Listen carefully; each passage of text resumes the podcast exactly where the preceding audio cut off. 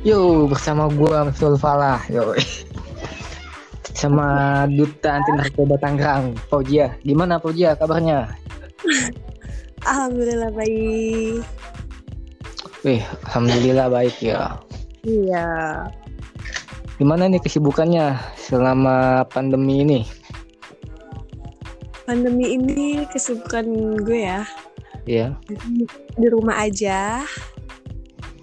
Terus yang kedua kalau ada kegiatan di duta mungkin gue sosialisasi kayak kemarin gue ada acara eh, bagi-bagi masker bersama bupati. Terus yang kedua juga kita mengadakan baksos. Pokoknya adalah beberapa kegiatan. Cuman kalau untuk penyuluhan kita masih belum bisa untuk bersosialisasi.